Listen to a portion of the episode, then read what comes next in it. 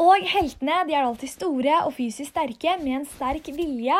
Og samtidig så finner man da også spor av førkristen og kristen tid i sagaene. Og førkristen, eller da hedenske elementer, det er f.eks.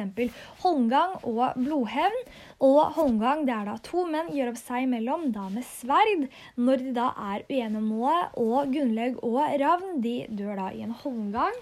Um, og blodhevn det er da uh, når familier da hevner seg på hverandre og dreper tilfeldige familiemedlemmer eh, og venner av en familie.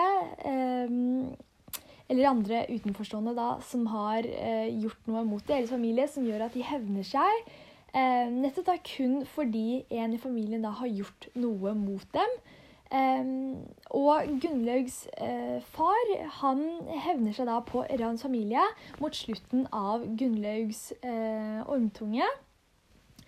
Og eh, i den sagaen så ser man da også kristne elementer, for i Gunnlaugs ormtunge så blir da alle til slutt gravlagt da ved kirken, og holmgang det blir forbudt fordi kristendommen da kommer til Island. Um, og i sagaen så får man da også et brudd på uh, stilen uh, når det da kommer til at fortelleren da vanligvis er objektiv. Og når fortelleren da kommer med en slags verdivurdering der han Eh, der det bl.a. står at det beste som skjedde for eh, Island, det var jo at landet ble kristna. Og det er jo en veldig eh, subjektiv synsvinkel, og det er noe som da vanligvis ikke på en måte brukes i sagaer. Og det viser jo da også at dette har blitt nedskrevet da i eh, en periode der Island eh, tydeligvis var kristna, og at dette da har åpenbart blitt skrevet på 1200-tallet. Um, og eh, det er da også viktig å tenke på hvilken betydning eh, denne litteraturen da har hatt for eh, ettertiden. Og den norrøne tiden den var da veldig viktig for flere forfattere på 1800-tallet. Eh, da man da skulle finne en slags nasjonal identitet for Norge. Og de norrøne verdiene, som da f.eks. ære og plikt, styrke og mot og Eh, norrøne skrivemåter ble på en måte et slags forbilde for eh, de som da kalte seg for nasjonsbyggere, som f.eks. da Bjørnstjerne Bjørnson. Og eh, det er jo på en måte en slags grunn til at Norge da eh, prøvde å finne sin egen identitet, på en måte. Eh, fordi at Norge var da underlagt dansk styre fra 1537 eh, til 1814. Og på den tiden så ønsket da både eh, kunstnere og forfattere å da finne ut hvem nordmenn egentlig er. Og Bjørnstjerne Bjørnson han eh, hentet da inspirasjonen da fra eh, stilen i islendingssagaene, da med f.eks. korte setninger og med få beskrivelser. Og den norrøne tiden den var da veldig viktig for forfattere fordi det da var en slags storhetstid for nasjonen. Og da var Norge et selvstendig rike med eh, en veldig da velutvikla kultur.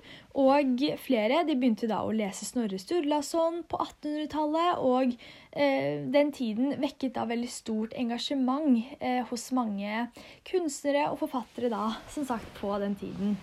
Og eh, for å knytte det opp til etter, eh, som da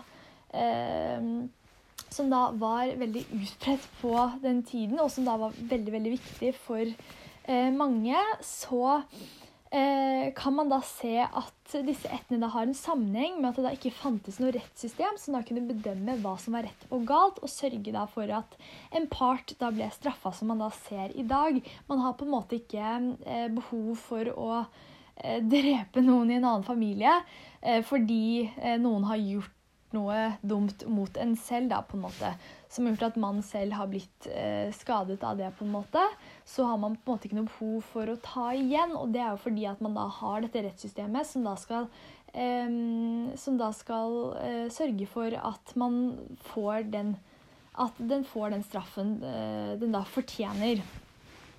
De som har gjort noe. Um, og samtidig så eh, ser man da til flere kulturer, som f.eks. kanskje er mest utbredt i Østen, vil jeg tro. Eh, så har man da også fremdeles æresdrap, eh, og det er da et veldig aktuelt tema, eh, som da viser at noen i en familie da er villig til å da drepe noen i sin egen familie kun fordi de ønsker å opprettholde det omdømmet som den på en måte etten eller den slekten eller familien eh, de da har, fordi det er noe som da kaster skam over deres eh, familie. Så det er jo noe som fremdeles er veldig aktuelt, og som viser da hvor eh, viktig den eh, familien eller den slekten da er, og eh, at de ikke ønsker at noe skal true den, på en måte. Og uh, samtidig så ser man da også at uh, den norrøne tiden er veldig er veldig aktuelt med tanke på TV-serier og filmer. Og det er jo noe som vekker veldig stort engasjement hos mange. da det er veldig store serier Eh, om da f.eks.